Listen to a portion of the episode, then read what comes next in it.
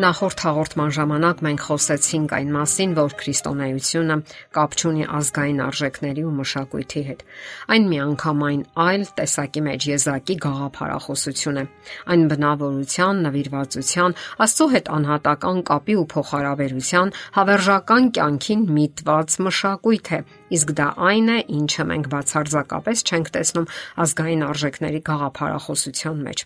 Ուշագրավ է, որ այսօր նույնիսկ քրիստոնեական հարամ անվանություններն են ձգտում աչքի ընկնել հասարակական կյանքում, ինչի արդյունքում տուժում է եւ սխալ է ընկալվում հենց քրիստոնեությունը։ Քրիստոնեությունը ներկայացվում է որպես ուժի զորության աղբյուր, սակայն ո՞ր ուժի՝ Աստվածային թե մարդկային սին փառքի, հպարտության ու ամբարտավանության ուժի, եւ դրա համար գործի են դրվում ոչ աստվածային միջոցներ։ Այսօր աշխարհում գնահատվում է մարդկային փառքն ու ուշադրությունը։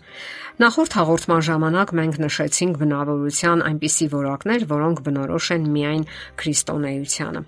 Կարդում ենք. Երանի հեզերին, որովհետև նրանք կժառանգեն երկիրը։ Երանի նրանց, ովքեր քաղցած ու цаրավ են արդարության, որովհետև նրանք կկշտանան։ Երանի ողորմածներին, որովհետև նրանք ողորմություն կգտնեն։ Երանի սրտով մաքուրներին, որովհետև նրանք Աստծուն կտեսնեն։ Երանի խաղաղարարներին, որովհետև նրանք Աստծո որդիներ կկոչվեն։ Երանի արդարության համար հալածվողներին, որովհետև երկնքի արխայությունը նրանցն է։ Երանի ձեզ, երբ ձեզ նախատեն ու հալածեն եւ իմ պատճառով ձեր մասին ամեն տեսակ չար բան զրպարտությամբ ասեն։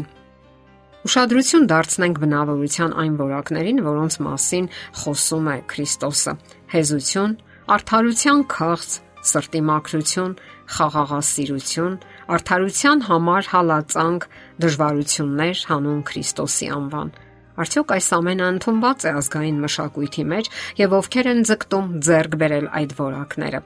Թերևս նրանք, ովքեր նվիրվում են Քրիստոսին եւ պատրաստ են մինչև կյանքի վերջ պայքարել քրիստոնեական արժեքների համար։ Ուշագրավ է օրինակ, որ հեզությունը բոլորովին էլ թուլության նշան չէ, ինչպես ընդունված է համարել։ Աստվածաշնչյան բնագրային իմաստով այդ բառն ունի իրատես իմաստը, որը նշանակում է զգաստ եւ սթափ այսինքն հեզ մարդը իրատես է եւ սթափ զգաստ է։ Հեզությունը իրականում մի որակ է, որը հնարավորություն է տալիս մարդուն մնալու իր տեսակետին։ Զգոն սթափ մարդը չի ընկնում ամենատարբեր ազդեցությունների տակ, չի կորանում եւ դիմանում է հալածանքներին, չի տրվում անիմաստ վախերին, անհեթեթ քարոշչությանը եւ չի հաշտվում անարթարության հետ։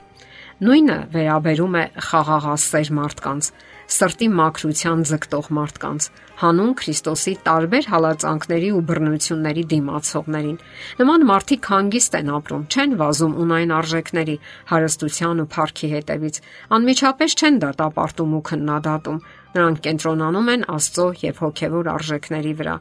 Հենց դրանք են այն արժեքները, որ թույլ են տալիս ծառայել Աստծուն ու մարդկանց, իսկ աշխարհային փառքի ու մեծարման փոխարեն փառավորել Աստծուն եւ երկրպագել նրան։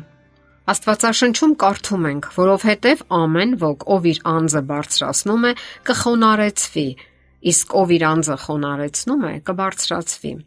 Կարոզվում է արդյոք այսօր խոնարհությունը որևէ հարթակից, բացի քրիստոնեական ամբիոններից։ Անկասկած ոչ։ Մարդկանց զգալի մասն այսօր պարզապես կվիրավորվի, եթե իրեն խոնար անվանես, սակայն իրականում հենց դա է քրիստոնեությունը։ Հեշտ է արդյոք այսօր աշխարհում գտնել խոնար մարդ։ Մարդ, ով չի բարձրաձայնում իրեն եւ անպագորգոր խոսքեր ասում։ Իսկ ինչ ենք այսօր տեսնում հատկապես մեր օրերում, երբ սոցիալական կայքերն ու ցանցերը հնարավորություններ են ընձեռում մարդկանց ներկայացնելու իրենց ամենահնարավոր ձևերով։ Խոսքերից սկսած մինչև նկարները։ Նրանք կատարյալ մեջբերումներ են անում, նկարվում հնարավոր դիրքերով եւ ճանապարհորդական շլացուցիչ ժպիտներով ապա իմաստուն կոմենտներն ու բոցաշունչ մեկնաբանությունները,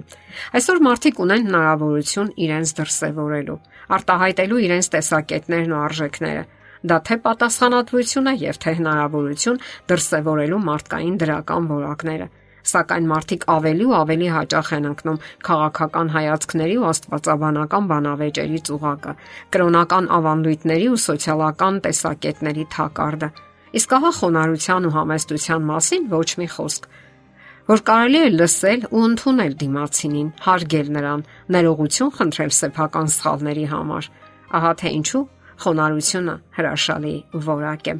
Խոնարհություն նշանակում է գիտակցել սեփական անկատարությունը, ընդունել իր հնարավորությունների սահմանը, ունենալ ինքնավերահսկողություն եւ վերջապես ընդունել Աստծո գերազանցությունը։ Եվ վերջապես քրիստոնեություն նշանակում է հարաբերվել կենթանի Աստծո եւ նրա խոսքի հետ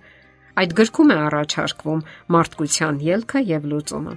Աստված իր խոսքում ասում է, որ մարդկության փրկությունը քաղաքական ճանապարհով չի լուծվելու, օրենսդրության կատարելագործմամբ կամ էլ շրջակա միջավայրի մակրությամբ եւ ոչ էլ անգամ այս աշխարհի քաղցածներին կերակրելու միջոցով։ Գիրքը մեզ առաջարկում է անհամեմատ ավելի ծանրակշիռ ու վերջնական հրաշալի մի խոստում։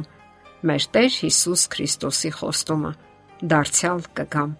Ահա եւ քրիստոնեության, այլ ոչ ազգային արժեքների լիակատար պատկերը՝ արարիչ Աստված, փրկիչ, հավերժական Թագավոր։ Դե ի՞նչ, որ արժեքներն են ընդունելի կամ գերակշիռ ձեր կյանքում՝ քրիստոնեականը, թե մշակութայինը, հավերժականը, թե անցողիկն ու ժամանակավորը։ Ընտրությունը ձերն է։ Եթերում ղողանջ հավերժության հաղորդաշարներ։ Հարցերի եւ առաջարկությունների համար զանգահարել 033 87 87 87 հեռախոսահամարով։